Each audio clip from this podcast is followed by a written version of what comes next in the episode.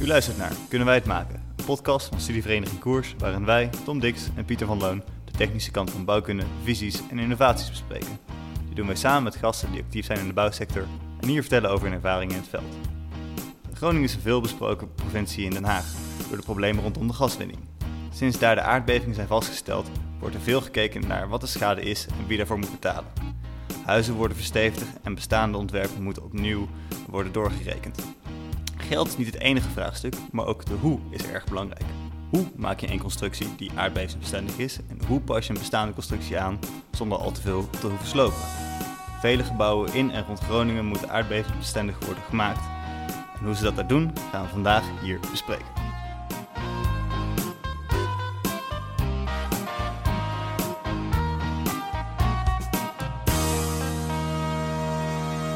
Maar voordat we verder gaan praten inderdaad over uh, seismisch ontwerp, um, gaan we nog even kijken naar onze vorige aflevering die we hadden opgenomen. Um, en dat was een aflevering met uh, Chris Notenboom over uh, glasconstructies. Wat vond je ervan, Pieter? Het was wederom een ontzettend interessante aflevering, zou ik durven zeggen. En ik vind het moeilijk om er nou één ding uit te halen, maar we hebben in ieder geval, ja, we zijn flink de diepte ingegaan voor een uurtje een beetje praten gewoon leuk gevarieerd, veel projecten besproken waar je nou rekening mee moet houden. Dat je glazen platen eigenlijk al maar groter en groter kan maken tegenwoordig. En uh, ja, dat het gewoon een keisterk materiaal is en dat je er een wolkenkroon mee zou kunnen maken wat hem betreft. Al was het niet aan te raden. Precies, dus je kan een wolkenkroon van glas maken. We maken ze meestal van beton. Uh, en dat vond ik wel grappig eigenlijk, dat besefte ik nog niet zo. Er zijn best wel veel parallellen tussen glas en beton. Zoals ik hij, zelfs als Chris zelf formuleerde, hij kwam op het glastraject eigenlijk middels een artikel wat stond in een vakblad van beton. Omdat het zoveel eh, gemeenschappelijke eigenschappen heeft. Bijvoorbeeld de dichtheid, maar ook dat er gewoon best wel veel grind in gaat. Dus uh, grappig, eigenlijk toch ook wel weer dicht bij huis. Um, maar, zoals ik al zei, of zoals Pieter eigenlijk al zei, we gaan het, uh, deze aflevering hebben over aardbevingen, of specifieker gezegd over seismisch ontwerpen. Ook vandaag hebben we een nieuwe interessante gast, en dat is Gosse Slager. En uh, Gosse is werkzaam bij ABT Wassenaar en heeft destijds ook een uitstap gemaakt naar uh, Borg. Um, bij ABT Wassenaar is uh, Gosse werkzaam vooral als seismisch constructeur voor gebouwen. Gosse heeft voordat hij ging werken gestudeerd aan de Hanze Hogeschool in Groningen, waar hij zijn bachelor haalde. En is vervolgens doorgaan studeren aan de Technische Universiteit Eindhoven, waar hij zijn master in Structural Design heeft behaald, waar hij in 2017 afstudeerde. Nou, welkom Gosse. Ja, dankjewel. bedankt. En uh, leuk dat ik er uh, mag zijn. Ja, nee, leuk dat je tijd voor ja, ons bedankt voor de uitnodiging. Um, en ik zei net uh, ABT Wassenaar en een uitstapje naar Borg. en dat heb ik ook eigenlijk van jouw LinkedIn. Want dat zo eigenlijk ook zover gaat mijn kennis over die organisatiestructuur. Kun je iets meer vertellen over ABT Wassenaar en hoe zich dat nou verhoudt tot ABT? Want dat is vooral een bekende naam bij mij. Ja, nou, dat wil ik wel even doen. Um, ABT Wassenaar en ABT die vallen uiteindelijk onder dezelfde holding. Dus je hebt de Oosterhof groep. Dat is een, eh, een holding waar uh, verschillende bedrijven onder vallen. En uh, onder andere ABT Velp, ABT Delft vallen eronder, maar dus ook ABT Wassenaar. En de naam ABT Wassenaar die kan nogal wat verwarrend zijn, want het suggereert dat het in Wassenaar zit, maar het zit in Haren. en dat komt eigenlijk oorspronkelijk uit zijn originele naam. van oorsprong heet het ingenieursbureau Wassenaar. Hmm. Dus dat is een samenvoeging geworden tot ABT Wassenaar. Dus het is ABT Wassenaar in Haren. En vervolgens heb je ABT in Delft en ABT in Velp. Overal ABT. Over, ja, precies. In de basis. Maar misschien nog wel interessanter, um, Borg. Want dat is uh, ja, in ieder geval een, een, naam die mij nog niet bekend voorkwam. En wat ik al wel heb begrepen is dat het een soort van samenwerkingsverband is. Ja, dat klopt inderdaad. Ja, Borg is een samenwerking uh, tussen een aantal bedrijven uh, onder de Ooststofgroep. En tussen BAM en uh, mensen vanuit de uh, BAM, dus uh, daar vanuit constructeurs, maar ook vanuit de uitvoering, die werken daar samen met mensen vanuit ABT en ABT Wassenaar. En dan heb je het dus over constructeurs, werkvoorbereiders en die werken samen aan het seismisch versterken van woningen. Dus de samenwerkingsverband tussen de BAM en tussen Oostrofgroep eigenlijk. En dan specifiek op de problematiek met aardbevingen rondom Groningen? Ja, precies. Kijk. Ja.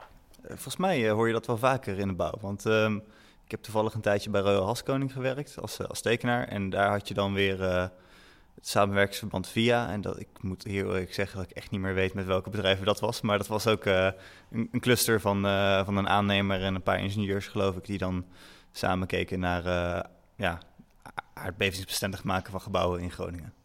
Ja, klopt inderdaad. Dat is eigenlijk dezelfde samenwerking als we bij Borg kennen inderdaad. Dus dat loopt er parallel aan. Ja. Oké. En misschien nog leuk voordat we de diepte induiken, waar ik uh, zeker naar uitkijk, is nog even een stukje de, de, de mens achter het verhaal. Want wat heb je zelf met aardbevingen? Is dat ook echt een passie en fascinatie die je al langer had? Of ehm, waar komt dat vandaan? nou, het is niet per se een passie wat ik al langer had. Het is iets waar ik ingegroeid ben. Uh, mede omdat ik van oorsprong ook uit uh, Groningen kom. Ah. Dus je, komt er, uh, je, je, krijgt er wel mee te maken op die manier. En nou ja, de, de Hans Hogeschool heb ik gestudeerd. Daarna ben ik naar Eindhoven gegaan. En na mijn studie naar Eindhoven had ik toch wel de wens om weer terug naar Groningen te gaan. En daar ben ik ook terechtgekomen bij ABT Wassenaar. Dat is ook een bedrijf waar ik tijdens mijn HBO-studie stage had gelopen. Dus ik kende het bedrijf goed en ik wist op het duur dat ik daar graag weer wilde werken. Nou, via ABT Wassenaar ben ik uh, in Borg uh, gerold om daar uh, te werken aan aardbevingen. Dus eigenlijk is een kans, ik heb daar gewoon de kans gekregen om daar, daarin te rollen. maar ik had niet de ambitie per se tijdens mijn studie in Eindhoven om te denken van nou als ik klaar ben dan, dan wil ik seismisch constructeur worden. Oké. Dus dat, ja. Interessant. En heb je nog, aangezien je dus bent opgegroeid, ken je mensen die huizen hebben die, die dat echt aan de lijf ondervinden, deze problematiek? Uh, ja, mijn ouders zelf bijvoorbeeld. Wauw. Die, uh, ja, die, nou ja, die wonen dan wel in, een, in het grensgebied van, uh, van het aardbevingsgebied. Maar die hebben bijvoorbeeld nou, de Huizingenbeving in 2012. Dat is eigenlijk een beetje het, het moment waarop het allemaal ging rollen. die hebben zij bijvoorbeeld wel, wel degelijk goed gevoeld. Dus nou ja, die, die hebben dat wel ervaren. Ik heb zelf een aardbeving meegemaakt trouwens. Ik ben altijd, was net buiten de deur blijkbaar. Oké. Dus uh, onderwerp dicht bij huis, maar nog nooit in jouw eigen huis. Nee, precies. Het scheelt weer net. Ja. Maar uh, dan lijkt me, ja, lijkt me een topmoment om, uh, om eens een keer over te gaan op, op de orde van de dag. Namelijk het spreken van, over seismisch ontwerp. En we hebben altijd een soort van overgangs... ja, rubriek om naar het hoofdontwerp te gaan, namelijk het vragenvuur. Dan krijg je zo meteen van ons een vijftal stellingen voorgeschoteld. En daar aan de hand daarvan kunnen we mooi ons gesprekje beginnen. En dat is een beetje de bedoeling dat je kort en bondig reageert. En uh, mag gewoon een keer, uh, als je toevallig nog uh, een leuke lompe uitspraak hebt, dan is dat altijd welkom natuurlijk. Kunnen we altijd achteraf nog nuanceren. Haal de voorpagina. Precies. maar ja, als je, ja, als je okay, klaar voor bent, dan, dan komt hij dan maar. de eerste. Denk ik simpel. aardbevingen zijn eng. Waar of niet waar? Waar. het seismisch ontwerpen levert vooral veel beperkingen op. Waar of niet waar? niet waar. Seismisch ontwerpen is mogelijk met beton, maar erg moeilijk met staal. Uh, niet waar. Een seismisch ontwerp maakt vooral de fundering erg complex. Kan, ja. Uh, maar vooral, nee, niet waar dan. Vooral, okay. Nee, niet waar. Sinds ik seismisch constructeur ben, kan ik het woord seismisch niet meer horen. waar. Oh jee. Wordt een lastige podcast dan vandaag. ja. Wel met een knipoog. Uh, om daar maar misschien meteen even over te beginnen, die laatste vraag. Want uh, je, ben je, wat, wat, nou wat is precies het verschil tussen een constructeur en een seismisch constructeur? Hoeveel procent van de tijd ben je bezig met seismische berekeningen? Um, ik ben vooral in het begin van mijn carrière ben ik heel veel ermee bezig geweest. Uh, ja, nu is het misschien nog 10% van mijn tijd dat ik nog seismische berekeningen doe. Zoiets. Maar eh, in het begin heb ik er heel veel, uh, heel veel gedaan. Ik heb langzaam toch wel de switch gemaakt ook naar het, uh, nou ja, het traditionele constructeurswerk, om het zo maar te noemen. Ja. En, en hoe kwam het dat het aan het begin meer was? Was je dan voornamelijk bezig met het inventariseren van de, de huidige situatie in Groningen? Dat je daarom gewoon veel werk op had? Of was elk project was wel in Groningen, dus elk nieuw bestaand gebouw moest seismisch ontworpen worden? Of hoe moet ik dat voor me zien?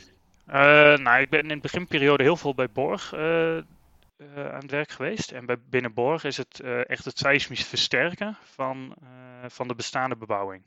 Ah, ja. En daar heel veel bezig geweest met versterkingsadviezen maken.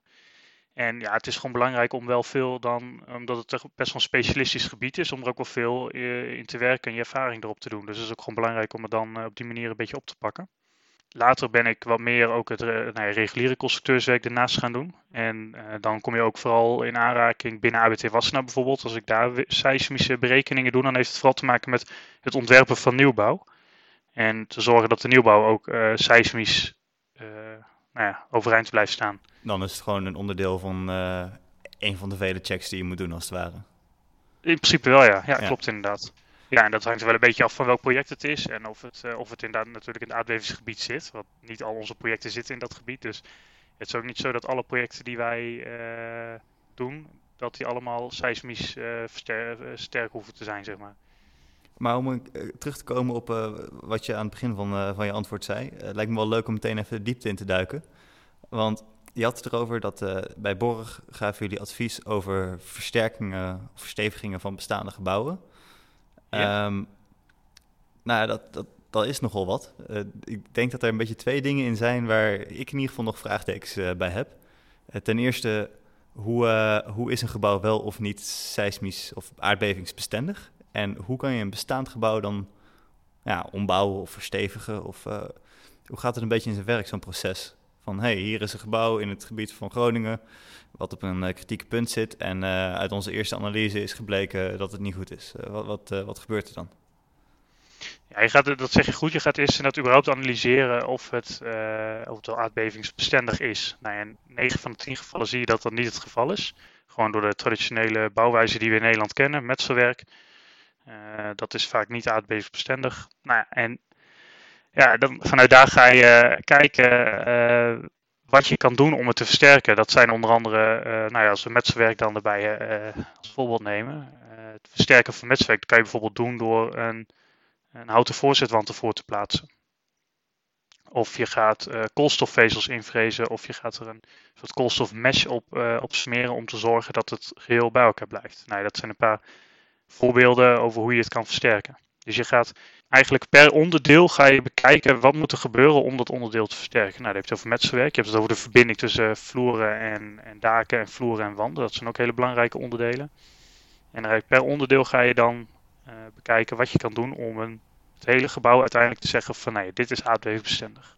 En als je dan bijvoorbeeld specifiek over het metselwerk hebt, je had het net over bijvoorbeeld uh, met, met koolstof uh, verstevigen of versterken. Mm -hmm. En is het dan echt een capaciteitsprobleem qua, qua kracht, qua, ja, um, hoe noem je dat, uiterste grensverstand? Uh, of is het meer een soort van, um, ja, e-, elastisch probleem, om het zo maar te zeggen? Dat hij wel de bepaalde verplaatsing moet kunnen opnemen? Nou ja, eigenlijk is het dat. Het is een verplaatsingsprobleem. Het is een, een aardbeving is ook een, eigenlijk een verplaatsing. En ten gevolge van die verplaatsing ontwikkelen zich krachten in, uh, in de constructie. Mm -hmm.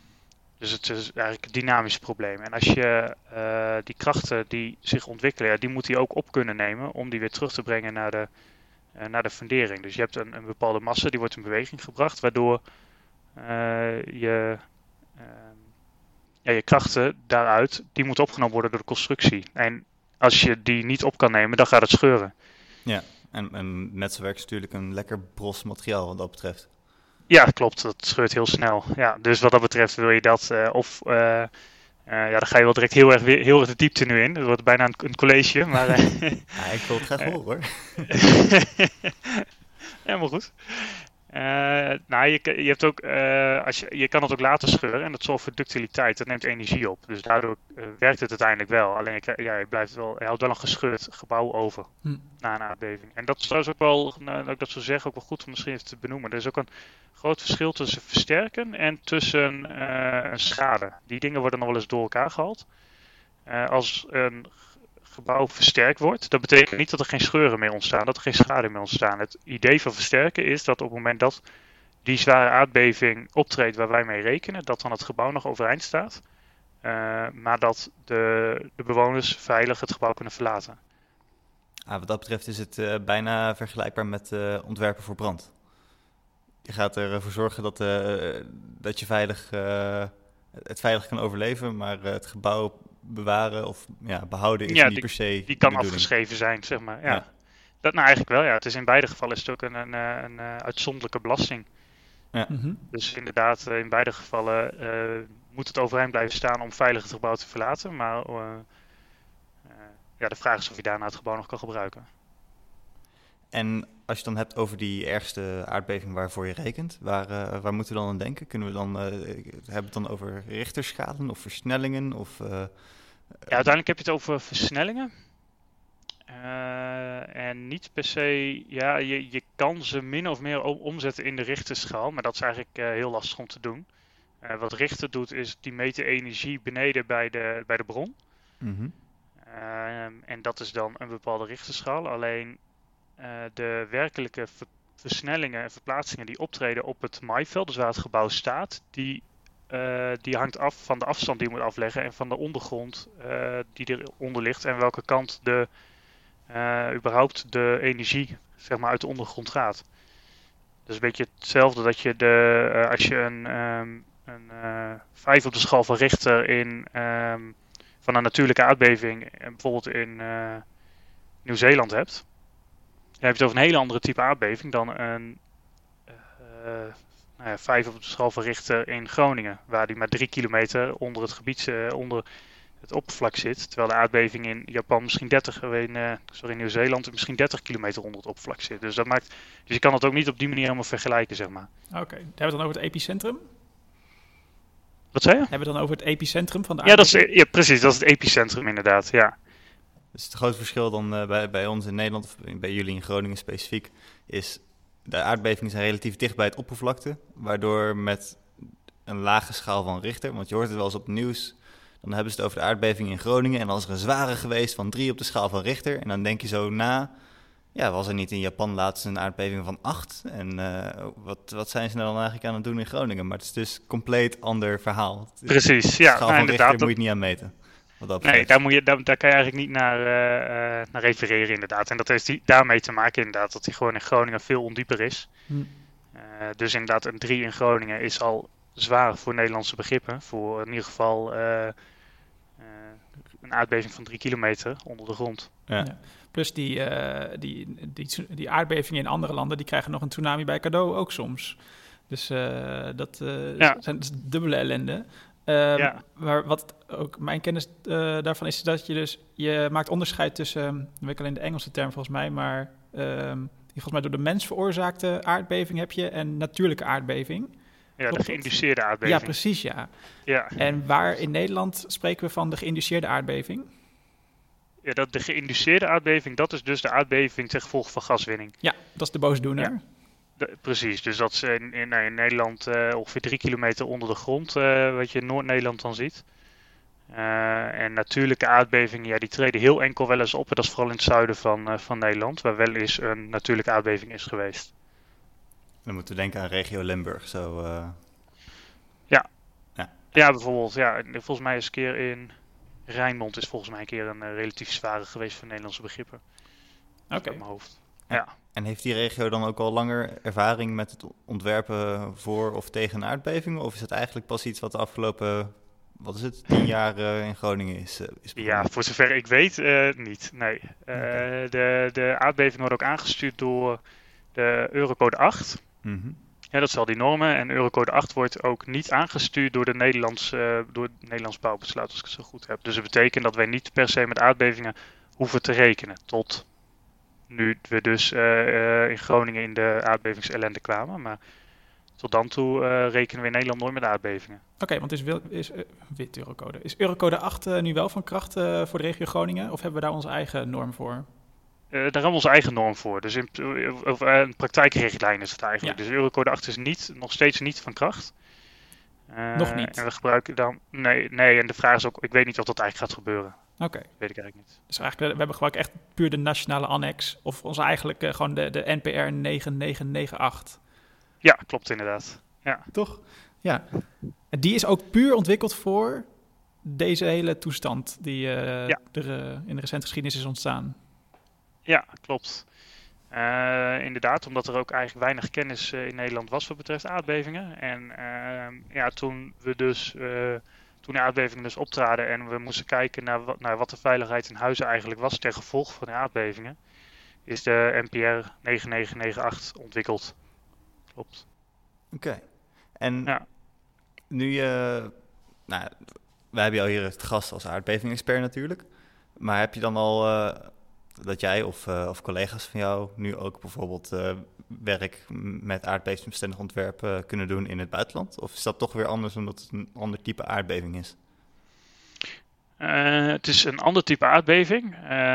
De maatregelen die je bedenkt zouden misschien ook anders zijn. Mm -hmm. voor, voor wat we in Nederland te bedenken voor nieuwbouw of bestaande bouw aan maatregelen. Maar uiteindelijk is de basis hetzelfde. Dus je kan hiermee ook wel in het buitenland inderdaad aardbevingsbestendig nou ja, gebouwen ontwerpen.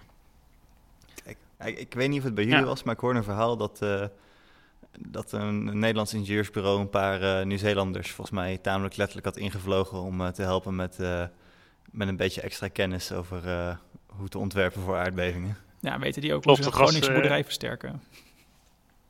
Wat zei je? Weten die ook hoe ze een Groningse boerderij moeten versterken? Nou, die hebben wel, die hebben inderdaad bij Borg lopen een aantal, hebben een aantal Nieuw-Zeelanders rondlopen inderdaad. Ehm en die hebben een hoog kennisniveau op het, wat, gebied, wat betreft de aardbevingen, want ze hebben daar ook daar veel last van. Maar het leuke is dat de bouwstijl redelijk, redelijk goed overeenkomt wat ze daar bouwen en wat we hier bouwen. Dus ah, okay. er is een hoop kennis ook over metselwerk en dergelijke. Oké, okay, grappig. Ja, dat was bij ons inderdaad. Ja. Maakt de overgang weer makkelijker. Ja, precies. Inderdaad. En, en, nog een ander onderwerp, want in het vragenvuur hadden we het ook heel even over funderingen. En dat aardbevingen vooral de fundering erg complex maken. En toen moest je lang twijfelen. Dus blijkbaar is het wel van invloed, maar niet het enige? Of? Nee, dat ligt er een beetje ook aan uh, of je gebouw, hoe je het ontwerpt. En kijk, het, de fundering kan echt wel een maatgevende factor zijn. als je een, een zwaar gebouw hebt, als je veel massa hebt, uh, dan zorgt dat ook voor hoge krachten. Ja, en dan kan je echt wel problemen in de fundering krijgen. Dus het ligt er ook aan um, in hoeverre de, nou ja, de massa, uh, wat gebouw je de kracht op de fundering, zeg maar, zorgt voor kracht op de fundering. Um, dus maar het is niet per se het enige complexe. Het kan complex zijn en het kan een probleem zijn. Wat ook een probleem is in funderingen kan, kan zijn, is verweking. Uh, en dat is dat je, nou ja, je, je grondlagen, je zandlagen zich eigenlijk als een soort uh, drijfzand gaan gedragen nadat er een trilling optreedt. Ah, oké. En dan kan je, uh, kan je fundering gewoon doorzakken, als het ware. Of, Precies, ja. Dan krijg je grote scheefstanden van je gebouw. Ja, ah, dat is wel spannend dus natuurlijk. Ja. ja, inderdaad. En de, de, de heftigste bevingen die we kennen in het Groningen gebied is niet specifiek in uh, stad Groningen, toch? Nee, het is vooral uh, uh, Noordoost-Groningen. Ja, precies. Waar, de, waar, het inderdaad de heftige bevingen voor hebben gedaan. En moet de stad Groningen zorg gaan maken om de toekomst? Het is misschien moeilijk te voorspellen wat de bevingen gaan doen in de toekomst. Ja, dat is la lastig om dat, uh, dat te zeggen inderdaad. Dat, dat durf ik eigenlijk niet te zeggen. Er is wel een, een deel van, het, van de stad die wel binnen uh, de, de, de aardbevingszone zit, zeg maar. Mm -hmm. uh, je kan het eigenlijk makkelijk ook heel, uh, heel, makkelijk zelf opzoeken. Er is een website, mm -hmm. seismischekrachten.nl. En daar kan je gewoon heel goed kijken wat je nou ja, versnellingen zijn op het maaiveld, op welke locatie. Dus je kan eigenlijk heel snel dat zelf ook eens zien.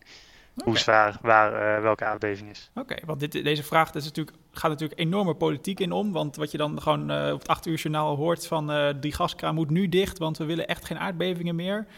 De, werkt het ook zo makkelijk? Als die gaskraan dicht gaat, dan stoppen de bevingen? Uh, nou, dat, dat, dat kan ik zo 1, 2, 3 niet zeggen. Ik bedoel, er zit een hele hoop. dat is ook eigenlijk net weer een, een ander specialisme natuurlijk dan het constructeursvak, ja, zeg maar. Maar wat, wat we wel zien is dat de aardbevingen wel op papier in ieder geval uh, afnemen. Of wij rekenen ook met lagere aardbevingen zolang die gaskraan aan het afnemen is. Oké. Ja, dus, het, dus de, die relatie is in ieder geval wel. Er wordt al een stuk minder gas gewonnen. En wij rekenen ook al met een stuk, min, een stuk lagere aardbevingen ten opzichte van een paar jaar geleden. Dus de krachten op de, op de constructies zijn ook al een stuk lager dan we toen, toen hadden, zeg maar. Want wat is uh, grofweg het mechanisme waardoor de aardbeving ontstaat? Ik bedoel, ja, iedereen weet dat er gas gewonnen wordt in Groningen en iedereen weet dat er aardbevingen zijn. Maar uh, kan, kan, jij ons uitleggen wat ongeveer gebeurt als er zo'n aardbeving is? Uh, ja, wat, jij, wat, er, wat er gebeurt is dat er, je hebt allemaal kleine gasveldjes. Er zijn honderden kleine ga gasveldjes met allemaal scheurvlakken tussen die gasveldjes. En eh, als ineens zo'n veld eh, gas wordt onttrokken, dan eh, ja, wordt de volume uit de grond gehaald, waardoor de, de, de ondergrond geneigd is om te gaan zakken. Mhm. En soms krijg je tussen de, de, de randen langs de gasvelden, krijg je dat daar de grond eigenlijk blijft eh, hangen zeg maar, op de naastgelegen velden. En uiteindelijk dan zakt dat in één keer naar beneden om, eh, om, om het volume wat er weg is, zeg maar, daar grond, zakt de grond weer in. Dus je krijgt een licht, eh, nou, daar kan je lichte trillingen krijgen, maar als het eh, grotere gasvelden zijn, dan kunnen dat ook zwaardere aardbevingen veroorzaken. Het is eigenlijk een soort van hele grote uh, aggregaatconstructie waar uh, op een bepaald paar plekken de, de spanning opbouwt en uiteindelijk krijg je in één keer een scheur. Nou ja, precies. Zo kan je het een beetje vergelijken inderdaad. Ja. Hey, en wat, wat, voor mij wel een uh, aansprekend voorbeeld was, onder andere, ik weet niet of je daar zelf ook bij betrokken was, maar was uh, het, het, het, uh, het, Groninger Forum. Daar, ja. daar is natuurlijk, want wat is het verhaal daar precies achter? Want ik kan me met herinneren dat dat is, wat was in aanbouw en tijdens de bouw zijn daar versterkingsmaatregelen toegepast. Hoe zat dat precies?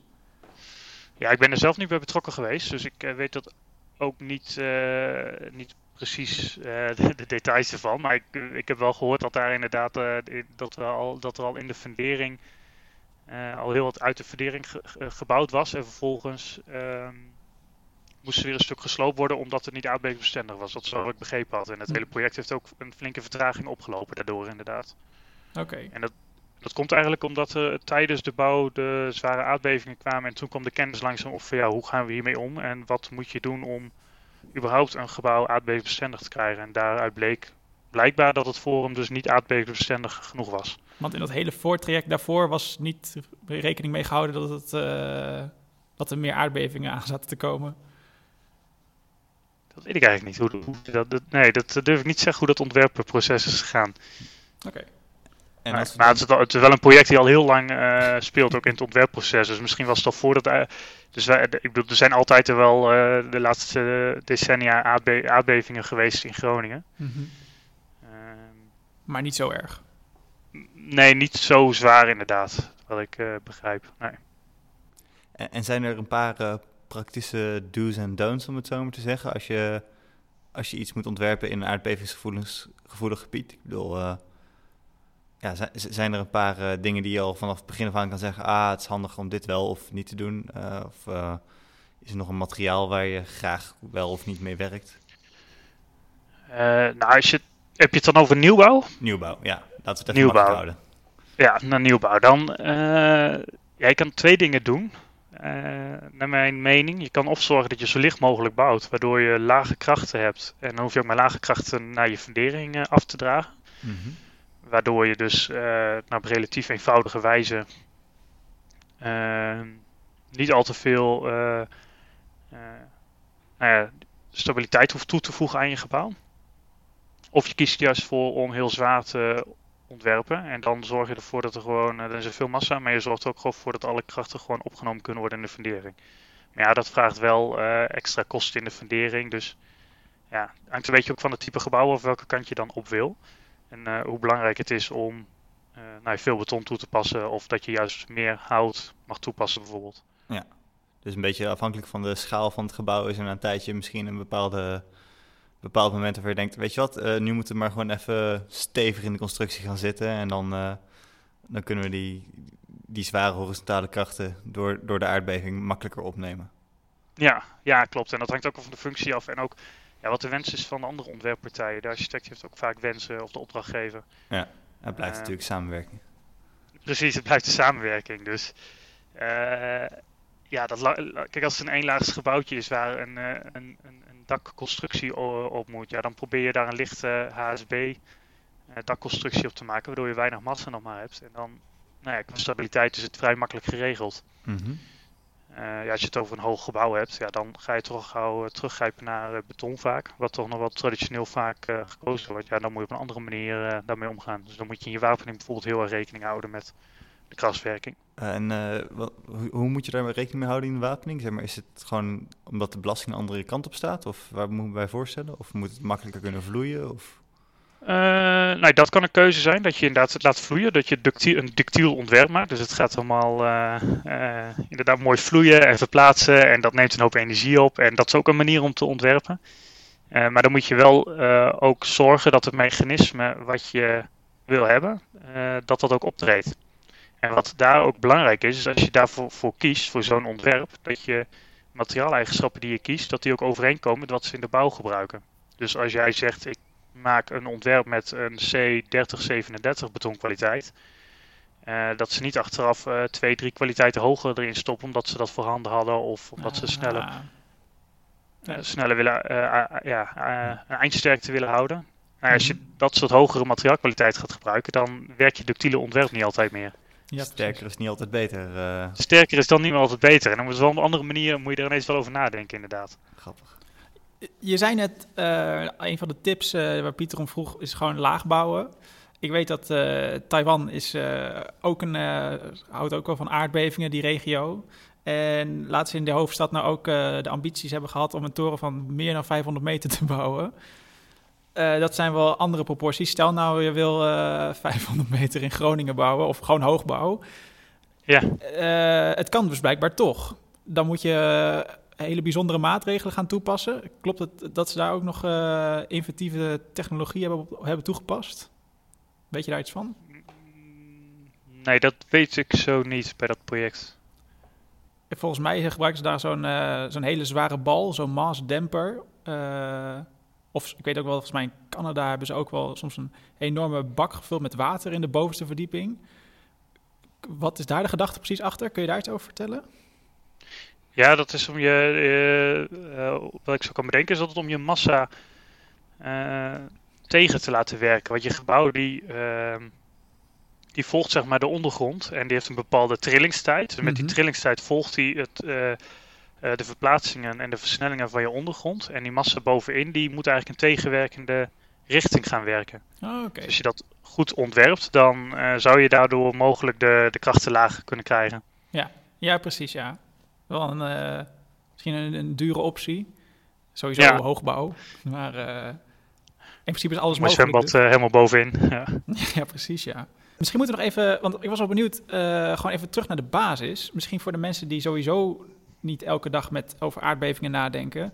Um, maar eh, kijk, ons beroep bestaat eigenlijk gewoon hoe gaan we een gebouw, de, de constructie van een gebouw, nou, uh, hoe kunnen we borgen dat die veilig is, dat het niet instort. En daarmee moeten we rekening houden met verschillende belastingen. Dat is vaak dus wat moeder natuur uh, te bieden heeft. Dat is vaak wind, regen, sneeuw.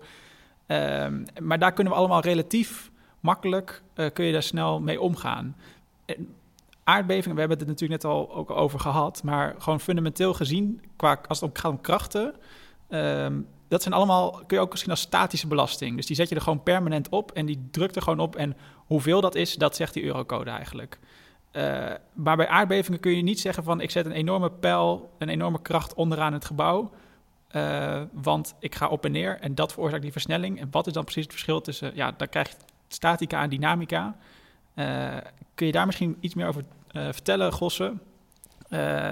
ja, wat precies die, die, die, die dynamica inhoudt uh, bij seismisch ten opzichte van wat wij traditioneel geleerd hebben, dat statische.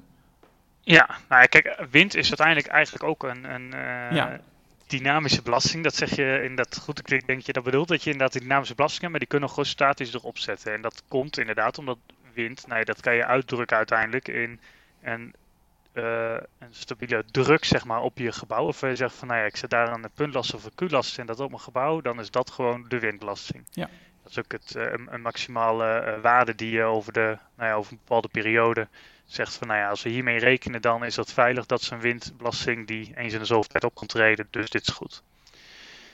Um, bij aardbevingen is dat lastiger, omdat bij een belasting uit aardbevingen de, uh, het van het gebouw nogal belangrijk is. En dat is bij al die andere belastingen niet zo. Dus je hebt een verplaatsing uit de ondergrond en het gebouw reageert daarop. Als je een gebouw hebt voor twee lagen of een gebouw voor vier lagen met beide dezelfde massa, dan reageren ze allebei totaal anders uh, op die aardbeving.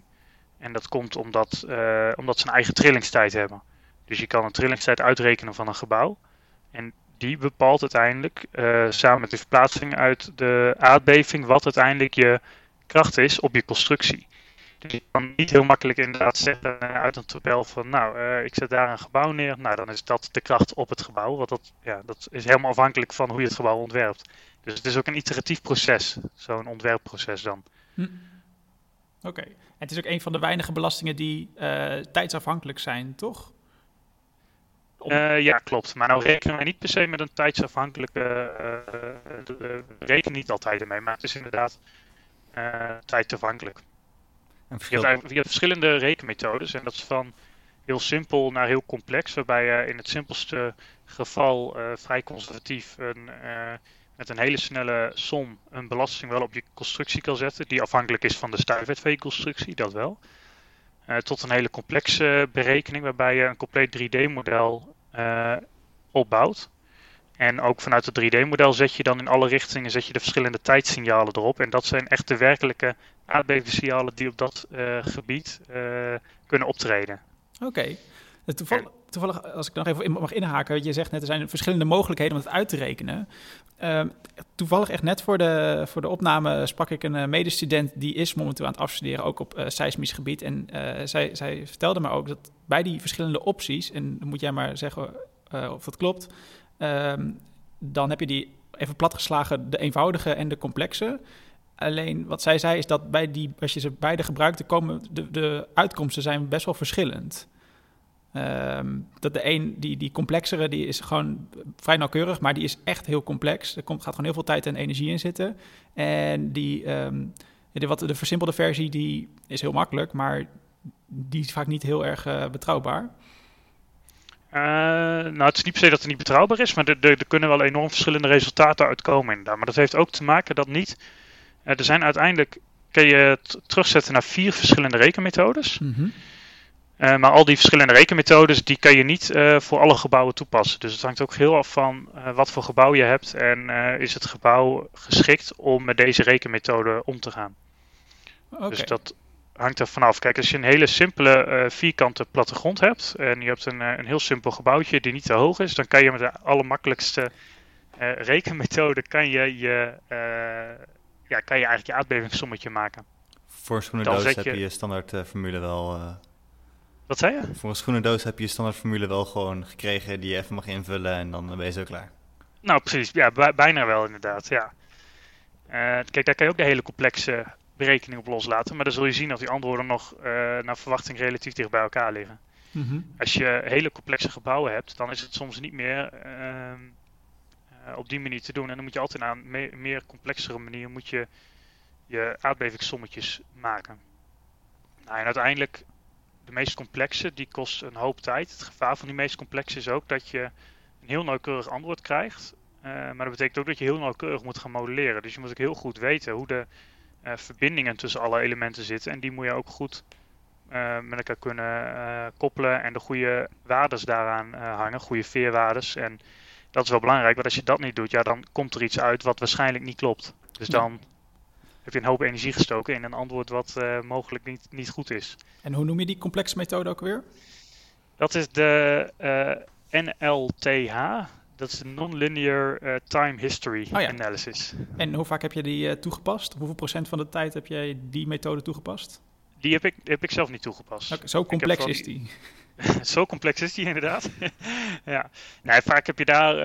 De, de, um, er zijn een aantal die daar is best wel specialisme. En je kan ervoor kiezen om inderdaad echt dat modelleren te gaan doen. En dan ben je heel veel aan het modelleren. Ik heb me vooral gefocust op die andere drie berekeningen. Hm. Uh, en die kan je nou ja, wat sneller uh, onder de knie krijgen, zeg maar. Dus bij die, de, bij die vierde is het vooral dat je heel veel moet modelleren. Want je hebt het dan over modelleren. Wat voor soort programma's moet je dan denken? Gewoon je, je reguliere constructeursprogramma zoals een SIA of... of je kan de, nou, die meest complexe dan uh, zo'n NLTA-berekening doe je bijvoorbeeld in Abacus. Ah, heb je een uh, FEM-pakket Ga je naar de eindige elementen Ja, precies. Gezellig. En dan moet je dus wel weten dat alle verbindingen de goede stijfheid hebben, want anders is natuurlijk de, de veerstijfheid van je hele gebouw weer, uh, staat het weer nergens op. Ja, dat kan inderdaad invloed hebben op het hele gedrag van je gebouw. En dan gaan krachten naar plekken waar ze niet, uh, in werkelijkheid niet heen gaan. En uh, ja. het is gewoon een hele complexe ja, Maar is het dan, is, moet ik me dan voorstellen dat uh, echt van die, van, die, van die oude boerenschuren in Groningen van soms meer dan 100 jaar oud, met die gebinten die al zes keer verbouwd zijn, die echt de abracadabra stijfheden hebben, die worden heel nauwkeurig in een FEM-model gezet? Dat, nee, dat, dat is inderdaad, uh, uh, dat kan je dat doen. En dan, dat, dat, ja, dat is het lastige, dat je dan niet zo goed weet of die verbindingen, of dat klopt. Maar dat soort weet ik eigenlijk niet of dat soort boerenschuren ook in dat soort modellen worden gezet. Dat deden vaak ook wel met MRS. En een MRS, dat is weer een wat. dat, dan maak je ook een 3D-model. Alleen dan is, zijn dat verbindingen iets minder belangrijk om dat goed te modelleren. Dat is weer een andere rekenmethode. Mm -hmm. maar inderdaad, het is wel belangrijk om als je met NLTA aan de slag gaat, dat je ook nou ja, daar goede aannames in doet. Maar dat is maar de vraag. wordt ook wel onderzoek dan naar gedaan, maar naar dat soort verbindingen. Maar. Het is maar de vraag of je die boerenschuur in, in een complex model wil stoppen natuurlijk. Ja, nee, dat klopt inderdaad. Ja. Soms is dat wenselijk, maar so soms ook niet. Soms kost het een hele hoop tijd om daar inderdaad een resultaat uit te krijgen dan. Ja. Want we hadden, je, had, je had net benoemd dat er grofweg vier rekenmethodes waren. En volgens mij hebben we nu de meest complexe en de minst complexe gehad. Namelijk voor de schoenendoos en bouw hem helemaal na in een, in een fanpakket. Ja. Uh, wat zit er nog een beetje tussenin? Je hebt de, de, nou, de meest simpele is de lateral force method. Dat, uh, dat, dat heet, uh, nou, dat is, daar zit je gewoon horizontaal een kracht op je constructie. En die is afhankelijk van de aardbeving die optreedt en de stijfheid van je constructie. Dan is de tweede is een MRS, die noemde ik ook al even. Daar maak je ook een 3D-model van. Um, maar dan is je model nog wel lineair. Ah, okay. Je zet er alleen wel een, een niet-lineaire kracht eigenlijk op. Dus het eerste model heb je een lineaire kracht op een lineaire constructie. En op het tweede model heb je een uh, lineair model met een niet-lineaire kracht.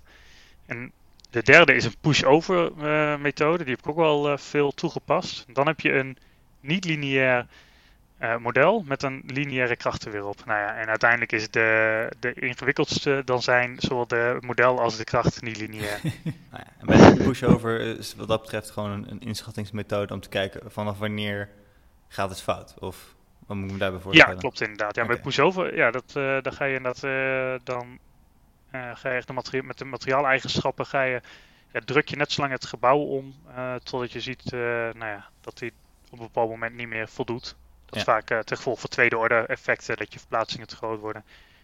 Oh ja. ja. Flink spectrum zullen we maar zeggen. Genoeg om uit te kiezen. Ja, precies. Heb je dan ook zo'n uh, zo, zo flowchart van uh, welke methode ga ik vandaag toepassen?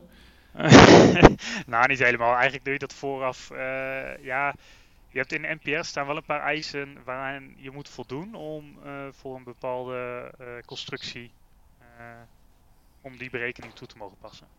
Oké, okay. en over diezelfde NPR, die, die staat er ook misschien bij de ondertitel gewoon NPR voor Nederland of staat er NPR voor Groningen? Nee, dat is wel voor Nederland, denk ik. Goeie vraag eigenlijk. Maar nee, dat staat wel in, Ja, dat, dat weet ik eigenlijk niet. Het is een ja, Nederlandse praktijkrichtlijn. Ja, ja, precies. Ja. Maar er staat wel in de introductie over dat het om een aardbevingsgebied in Groningen gaat. Ja. Geïnduceerde aardbeving. Dus hij is wel echt specifiek voor Groningen geschreven. Oké, want mocht. Uh, nou, het is natuurlijk heel goed aanwijsbaar natuurlijk wat de reden is waarom het in Groningen natuurlijk gebeurt. Maar stel dat er om onverklaarbare reden toch maar weer even uh, wat versnellingen ontstaan in de randstad. Kunnen we dan die NPR ook gebruiken voor de randstad? Uh, deels. Oké. Okay. Deels wel, ja. Dat, uh, kijk, er zit een stuk uh, berekeningen van uh, aardbevingskrachten. Kijk, de werkelijke krachten die uit de ondergrond komen, ja, die moeten daar bepaald worden. Die zijn voor Groningen inmiddels bepaald, maar voor dat gebied niet. maar je kan verder wel je aardbevingsspectrum, als je die gegevens helemaal hebt, kan je dat verder uitrekenen. En dan kan je uiteindelijk dezelfde sommetjes in principe voor gebouwen daar maken. Oké. Okay. Wat, ik was ook wel benieuwd. wat gebeurt er ik, misschien zo'n doemscenario. Maar de, de, de aardbevingen, de heftigste aardbevingen die Groningen uh, heeft ervaren, wat als je die zeg maar in een, gewoon in een willekeurige andere stad in Nederland activeert, hoeveel blijft er dan nog rechtop staan? Want er wordt natuurlijk nul rekening gehouden met seismisch ontwerp.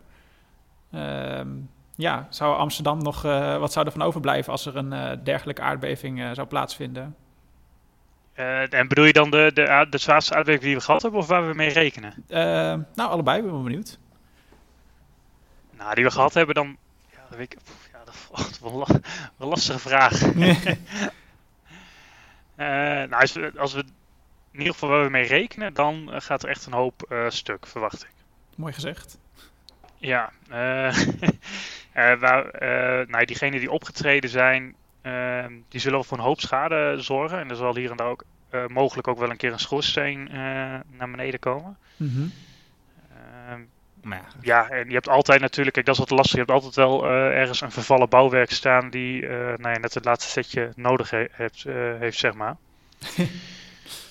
dus ja, ja, wat dat betreft is Groningen ook nog niet helemaal de grond in verdwenen door de aardbevingen die zijn gekomen. Dus eh, ondanks Nee, dat er nooit alleen- ontworpen is, is de schade nog enigszins beperkt, om het zo maar te zeggen. Eh, er is wel een hoop schade, er is wel een hele hoop schade opgetreden. En er zijn Ja. ook, er zijn ook eh, wel degelijk woningen uiteindelijk eh, afgeschreven, gesloopt of ingestort ten gevolge van aardbevingen. Ja. Doordat hij elke keer weer, het was niet één hele zware, maar bij elke keer weer een nieuwe aardbeving. Dat zorgt elke keer weer voor een extra stukje schade die ook je constructie gewoon minder sterk en stijf maakt. Dus uiteindelijk als je maar vaak genoeg zo'n tik krijgt, ja, dan houdt dat een keer op. En er zijn wel genoeg voorbeelden in Groningen eh, te noemen waar dat eh, de, het geval is. Ja. ja, want we kennen allemaal wel ook weer de, de voorkantpagina waarin zo'n heel gebouw gestut is op houten palen of eh, geschoren Ja. is. Ja, Dat, eh, ja. Ja, het zijn vreselijke beelden. ja, Eh, dat zijn wel de, ja, dat zijn wel de, er- de erge gevallen hoor. Dat is wel. eh, ja, hoe, rep- hoe representatief is dat inderdaad? En dat is, zijn die op een hand te tellen? Nou, dat zijn, nee, wel meer, dat zijn er wel meer hoor die dat hebben. Oké. En als je het hebt over ordegrootte aan, eh, aan kracht waar je mee rekent, ehm, is, dat, eh, is dat per gebouw verschillend? Of kan je zeggen, "Wauw, dat is eh, een beetje tien keer eh, de wind om het zo maar te zeggen? Of eh, waar, waar, waar moeten we aan denken? Ja, dat is, ook dat is niet te zeggen. Wat, wij, eh, wat ik wel altijd doe, is als, als, we, als, als we een berekening maken, dat we dan even een vergelijk maken met wind. Dus je, Mhm. je doet je som, daar komen uiteindelijk krachten uit eh, op je stabiliteitssysteem en op je fundering. En dan kan je dan ook eens een keer de windbelasting er tegenaan zetten om dan een orde grote vergelijking te krijgen. Dan nog is de krachtafdracht eh, van je, binnen je gebouw naar beneden toe anders bij seismisch dan bij wind. Dus gelijk is nog steeds niet goed te maken. Ja. Maar het geeft wel een beeld. Maar eh, je hebt situaties dat wind maatgevend kan zijn. Maar over het algemeen zie je nog wel vaak dat seismisch maatgevend is. Maar dat ligt ook weer aan de grootte van je gebouw. Als je Ja. een één laag HSB-gebouw eh, neemt, ja, dan is de windbelasting misschien niet groot. Maar de seismische belasting ook niet. Omdat je gewoon heel weinig massa hebt. Ja, als je al een, een eh, betongebouw hebt van drie, vier lagen hoog, ja, dan zul je heel gauw zien dat seismisch echt wel maatgevend is boven wind. Want dan, Maar, eh, eh, je, je krijgt ook een flinke horizontale belasting, toch? Ja. En eh, dat moet ook op de fundering worden afgedragen op een of andere manier. Ja, klopt. Dus dan moet je ook weer terugbrengen naar, naar de fundering. En als je fundering hebt op palen, moet je ook zorgen dat die belasting weer in je palen komt, die het weer, die het weer naar de ondergrond brengen. Nou, dat lijkt me nog best wel ingewikkeld, best wel complex eigenlijk. Ja, dat kan best complex zijn, inderdaad. Ja, eh, die palen, ja, eh, je ziet ze nooit, maar eh, als je wel eens een keer naar een model kijkt waar, waar de palen in gemode- gemodelleerd zijn, zijn toch altijd verdacht lullige satéprikkers, vind ik eigenlijk. En normaal gesproken hoeven ze natuurlijk alleen maar als een soort van ja, kolom te dienen die niet kan knikken, dus dan maakt het niet uit dat ze slank zijn. Maar als er een horizontale kracht op komt, dan kan ik me voorstellen dat de dwarskracht in die palen niet, al, niet helemaal de bedoeling zijn. Moet je dan ook Nee, eh, dat- diagonaal eh, palen de grond in rammen of zoiets? Of wat, wat gebeurt er? nou, op zich over het algemeen kom je met re- rechte palen wel weg. Maar kijk, dat is ook een samenspel met, je, eh, met de, de geotechneut. Ja. Dus je kijkt, die kijkt ook naar wel wat het gedrag is van de ondergrond. En die kijkt ook weer naar, nou ja, met die horizontaalkracht, wat en dat je dwarskracht op momenten in je paal zijn, of dat op te nemen is. Maar je moet wel, met paaltypes moet je wel meer opletten dat je niet zomaar alle paaltypes kan eh, toepassen. In je, in je fundering. Dus je, moet daar, dus dat is wel iets waar je rekening mee moet houden, inderdaad. Ja, Oké, de, de paal moet een beetje tegen de dwarskracht kunnen op zijn minst. Weer wat geleerd, Pieter. Ehm, ja, je hebt je dus, ehm eh, Gos, je hebt je ehm, verdiept in eh seismisch ontwerpen. En dat is eh, het- volgens mij echt een specialisme. Eh, en de, omdat het natuurlijk veel raakt aan niet-lineair rekenen, wat niet gebruikelijk is. Nou zei je zojuist dat je meer het traditionele constructeurschap doet, wat ook dus veel meer lineair rekenen is. Eh, pas je ook uh, nu meer of minder uh, niet lineair rekenen toe als tussen haakjes gewone constructeur? Of ben je gewoon weer lekker op de lineaire tour? Uh, als, nou ja, als gewone constructeur, om het zo maar mooi te zeggen, mm -hmm. ja, ben ik wel redelijk op de gewone tour. Dan doe ik weer normale sommetjes. En dat is ook wel weer leuk om dat ook weer op te pakken. Dat is ook ja. fijn. Ja, mis je het niet? Of zijn er nog andere toepassingsgebieden, behalve aardbevingen, waar je je niet-lineaire kennis kan toepassen? Je zei dat al, wind is eigenlijk ook dynamisch. Ja, maar wind reken je ook weer als een, een, een uh, lineair, ja, -hmm. lineaire belasting rekent ook weer uit. Dus daar op zich niet per se. Maar uh, nou, wat wel leuk is aan, nou, als ik kijk naar wat ik dan meeneem uit die, die aardbevingservaring is wel het, het gedrag van een gebouw. Dat je daar wel op een andere manier naar kijkt dan, dan nou ja, in mijn geval ik voorheen in ieder geval deed.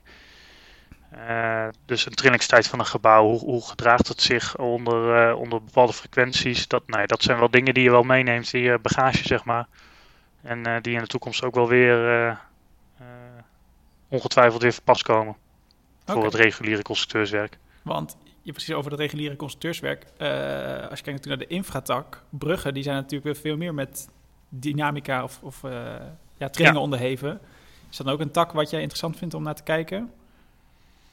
Uh, ja, dat is zeker een interessante branche. Dat, zegt, ja, dat is een, een andere manier van construeren en dat is een hele andere orde grootte. Maar ja, dat is wel ook, ja, dat is allemaal hartstikke interessant. Dat is eigenlijk allemaal interessant wat dat betreft. Conclusie. ja als er maar gebouwd wordt, dan, uh, dan ben ik daar wel bij. Hey, uh, ja. Het maakt niet zoveel uit als er maar uh, leuk aan te rekenen valt en iets moois op het eind Nou, precies. En als het gebouwd wordt, ja, en je kan zeggen nee, dat je daar, daaraan mee hebt gewerkt, ja, dat is hartstikke leuk. Dat, daar, ja, daar haal ik mijn energie uit. Dat is zeker mooi. En ben je dan ook wel eens langs geweest bij, bij je projecten uit je... Um, nu is het naam wel even ontschoten, sorry hoor. uit, je, uit je tijd bij Borg?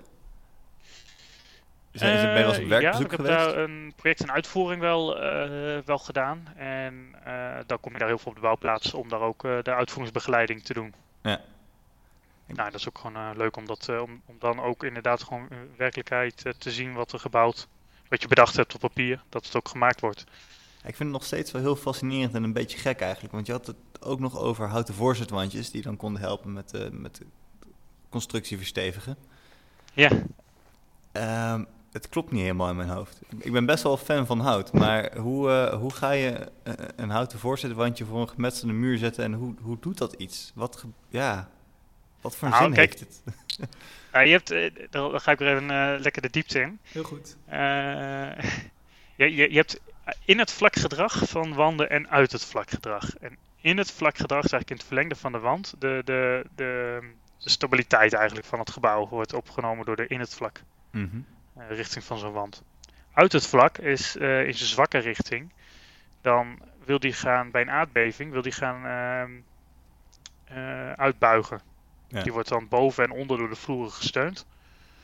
En ja, als je een aardbeving in bijvoorbeeld even x-richting hebt, dan heb je altijd een wanden in de x-richting staan en wanden in de y-richting. Dan is de ene wand wordt in het vlak belast, terwijl de andere uit het vlak belast worden. Dus je moet die beide richtingen zorgen dat ze overeind blijven. Mm -hmm. Nou, gaat het bij in het vlak gaat het al sneller dan uit het vlak. Uit het vlak is het maar een dun wandje van uh, vaak 10 centimeter. Ja. Met een hoogte van uh, om en bij 3 meter. Het is gewoon één steen breed en 3 meter hoog. Precies, ja. En die, kijk, in een normale situatie blijft dat wel staan. Want die, wordt gewoon in, uh, die zit gewoon vast tussen de vloeren en daar is niets van mee aan de hand. Maar als je een, een grote verplaatsing in die richting krijgt, ja, dan, dan gaat het, die wand die gaat uitbuigen. Uh, en in het midden wil die op het duur misschien wel door grote uitbuigingen wil die gaan scheuren en dan valt die wand naar beneden. Ah, oké. dus... En voor die richting kan je dus bijvoorbeeld een houten voorzetwand zetten, waarbij je de houten regels goed koppelt aan je wand. En dan zorg je dat die richting een stuk stijver is. En moet je hem dan ook aan beide kanten, krijg je dan zeg maar een soort van sandwich van uh, hout, steen, hout? Of is één kant genoeg? Nou, zich kan het in één kant. Ah, okay. En als je een spouw, spouwmuur hebt, dan moet je beide onderdelen wel koppelen. Maar, zo. En dan, dan wordt hij gewoon op een paar plekken gekoppeld en dan zorg je ervoor dat de, de ja, ja, dan, in het midden dan, een beetje beperkt blijven. Precies, die, uh, ja, dan heb je die samenwerking van die, uh, van die voorzetwand en de wand zelf. Dan heb je al een stuk stijver gedrag, waardoor je dan al uh, eigenlijk die metselwerkwand wordt gesteund door een HSB voorzetwand. Ja. En dat kan dus ook met het in, in, invrezen van koolstofstrips bijvoorbeeld. Ja. Dus dat je geen voorzetwand gebruikt, maar dat je koolstofstrips invreest, wat als een soort wapening dient in je, in je wand. En ik kan me voorstellen dat het invrezen van koolstofstrips is uh, iets populairder bij, uh, bij de monumentale panden. Uh, nou, dat is sowieso populair bij heel veel panden, want dat zo, zorgt ervoor dat je minder ruimte kwijtraakt. Ah ja, zo'n voorzetwandje, Als je- dan uh, wordt je ruimte natuurlijk, ja oké, wordt je kamer weer kleiner. Wie wil nou weer een Ja, en kleine als je kamer? dat voor, alle wanden moet doen, dan ben je zo ineens 10 centimeter rondom kwijt. En in vierkante meters gaat dat ineens best hard. Dus dat is niet een hele populaire oplossing. Dus over het algemeen probeer je dan wel, daar wel rekening mee te houden. Dat je denkt van, nou, laten we kiezen voor koolstofstrips. Want dan heb je in ieder geval eh, eh, nou, lang niet zoveel ruimte wat je kwijtraakt daaraan, aan zo'n versterking. Maar kost het dan wel meer of uh, valt er ook nog wel mee? Ja, gaat er aan de, ja, de wand wordt ietsje, ietsje dikker misschien. Een extra stuk laagje. Ja. dat valt wel mee. Lekker Hollandse vraag, Pieter. Um, ik zie dat uh, onze tijd richting de 60 minuten alweer gaat. Dus uh, ik denk dat ik mijn laatste vraag even stel, uh, Gosse, voor nu.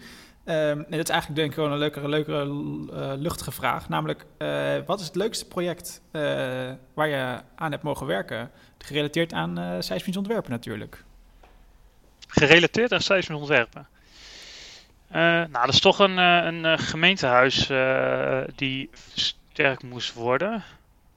Wat we daar gedaan hebben is dat het gemeentehuis in bedrijf moest blijven tijdens de versterking. Dus we konden niet het hele binnen alles overhoop halen en overal maar voorzetwandjes plaatsen, strips invrezen en koppelingen maken tussen wanden en vloeren. Dus wat we daar bedacht hebben is om de, het hele gebouw op base isolation te zetten. Ja. En dat is een uh, systeem waarbij eigenlijk de ondergrond met het gebouw ontkoppelt. Dus dan krijg je eigenlijk dat hij op uh, schalen kan glijden. Dus de uh, ondergrond, uh, als hij verplaatst, dan blijft eigenlijk het gebouw in theorie staan. Nou, hij zal wat verplaatsen, maar dus je hebt een, een, horizontale ontkoppeling gemaakt tussen beide delen. Maar wat we daarvoor moesten doen was dat er eerst een kelderconstructie onder het gebouw gemaakt moest worden. Ja, oké. Okay. Dus we hebben onder het gebouw uh, hebben we de, uh, nee, de palen ontgraven. Dus komen alle palen mooi zichtbaar. En hebben we volgens een kelderconstructie gemaakt. Wow. En uh, poertjes, omgekeerde poertjes naast de palen gemaakt. Om vervolgens uh, naast de palen vijzels te plaatsen. Waardoor we de palen konden doorzagen en die base-isolatoren konden plaatsen. Om vervolgens de vijzels weg te halen. En dat bij alle palen te doen. En in de tussentijd waren gewoon uh, de ambtenaren van dienst werkzaam? Ja. Wel, dus het gebouw werd gewoon gebruikt terwijl we daaronder in de kelder uh, bezig, bezig, waren met het ja, versterken. Waardoor we dus eigenlijk nog maar in het gebouw zelf nog maar een paar dingetjes, een paar kleine versterkingjes moesten maken. Wow. maar niet het hele gebouw door hoefden. Dus de oplossing van, ah, het gebouw schudt te hard heen en weer was, ja, dan laat het gebouw gewoon niet meer schudden. Nou, eigenlijk wel, ja. ja. Mag ik, mag ik, kun je delen welk gemeentehuis dit was? ja, dat was uh, gemeentehuis Loppersum. Loppersum, ah. Oké, okay. als, uh, ja. Als weer een andere Ik heb maatregel. hier ook een keer bij koers een lunchlezing over gegeven. Oké. Okay. Ik moet heel eerlijk bekennen dat ik niet alle lunchlezingen aanwezig ben. maar, uh... dat is alweer een tijdje geleden. Nou, heel fraai ontwerp hoor, als ik het zo zie. Dank je. het is wel bizar dat je, ja, dat dat een optie is. Ja, we tellen gewoon Ja. het gebouw op en we zetten er een soort van eh eh, rollagers onder en dan, eh, en dan, eh, dan is het zijn eigen demper. Nou, precies. Ja, dus dat, eh ja, dat is een unie project bij betrokken zijn. En nou ja, toen je vroeger inderdaad, eh, wat is het leukste project, seismisch, dan hoef ik, daar, ja, daar hoef ik niet lang over na te denken. Nee, precies, dat, eh, dat snap ik wel. In uh, de veel gehoorde kreet volgens mij ook, uh, is het technisch haalbaar? Uh, het antwoord is ja, als je genoeg geld hebt. Ze hadden wel diepe zakken daar waarschijnlijk. ja, waarschijnlijk wel, ja. alles, het gemeentehuis boven alles. Ja, wel, wel leuk dat zo'n, ja, weer een raar mooi voorbeeld van hoe de bouw toch wel van veel dingen afhangt. En soms gewoon het praktisch uh, in dienst houden van je gebouw de maatgevende eis is, waardoor je een compleet andere oplossing moet gebruiken. Ja, ja precies. Zo. Uh, ik vind, ik vind het briljant. Uh, ja. Ik denk dat dit het perfecte afsluiter, afsluitend verhaal was van deze aflevering van vandaag. Dus ik wil je graag hartstikke bedanken, Gosse. fijn om even een, een speedcursus dynamic of ja, aardbevingsbestendige ontwerp te hebben gehad. Ja, ik hoop dat we niet al te veel de diepte in zijn gegaan en dat nou ja, het vooral nog een beetje te volgen is. Ja, mensen kunnen pauzeren en terugluisteren, dus het komt helemaal goed. Precies. Gemiddeld luistert per persoon, die luistert vijf keer, voordat ze het alles doorhebben. Uh, nee, ook vanuit mij uh, bedankt, uh, Gosse. Ik vond het heel erg leerzaam en leuk en dat je tijd voor ons wilde maken. U luistert naar Kunnen we het maken? gepresenteerd door dus mij, Tom Dix en naast mij Pieter van Loon. Tot slot willen we de commissie die heeft geholpen deze podcast te maken bedanken. En natuurlijk jij voor het luisteren. Wil je graag reageren op deze aflevering? Dat kan. Dan moet je mailen naar onze e-mailadres. Dat is podcast.koerstue.nl maar wat nog veel leuker is, is ons volgen. Dat kan op uh, diverse social media kanalen, waaronder LinkedIn of onze website. Maar mijn favoriet is zelf de Instagram. Uh, die beheer ik namelijk zelf. dat is uh, @coursief. en recensies kun je plaatsen op iTunes. Dit helpt anderen bij het vinden van de podcast en ons bij het verbeteren van de show. En over twee weken zijn we, zoals je van ons gewend bent, terug met onze volgende aflevering. Voor nu bedankt voor het luisteren en tot ziens.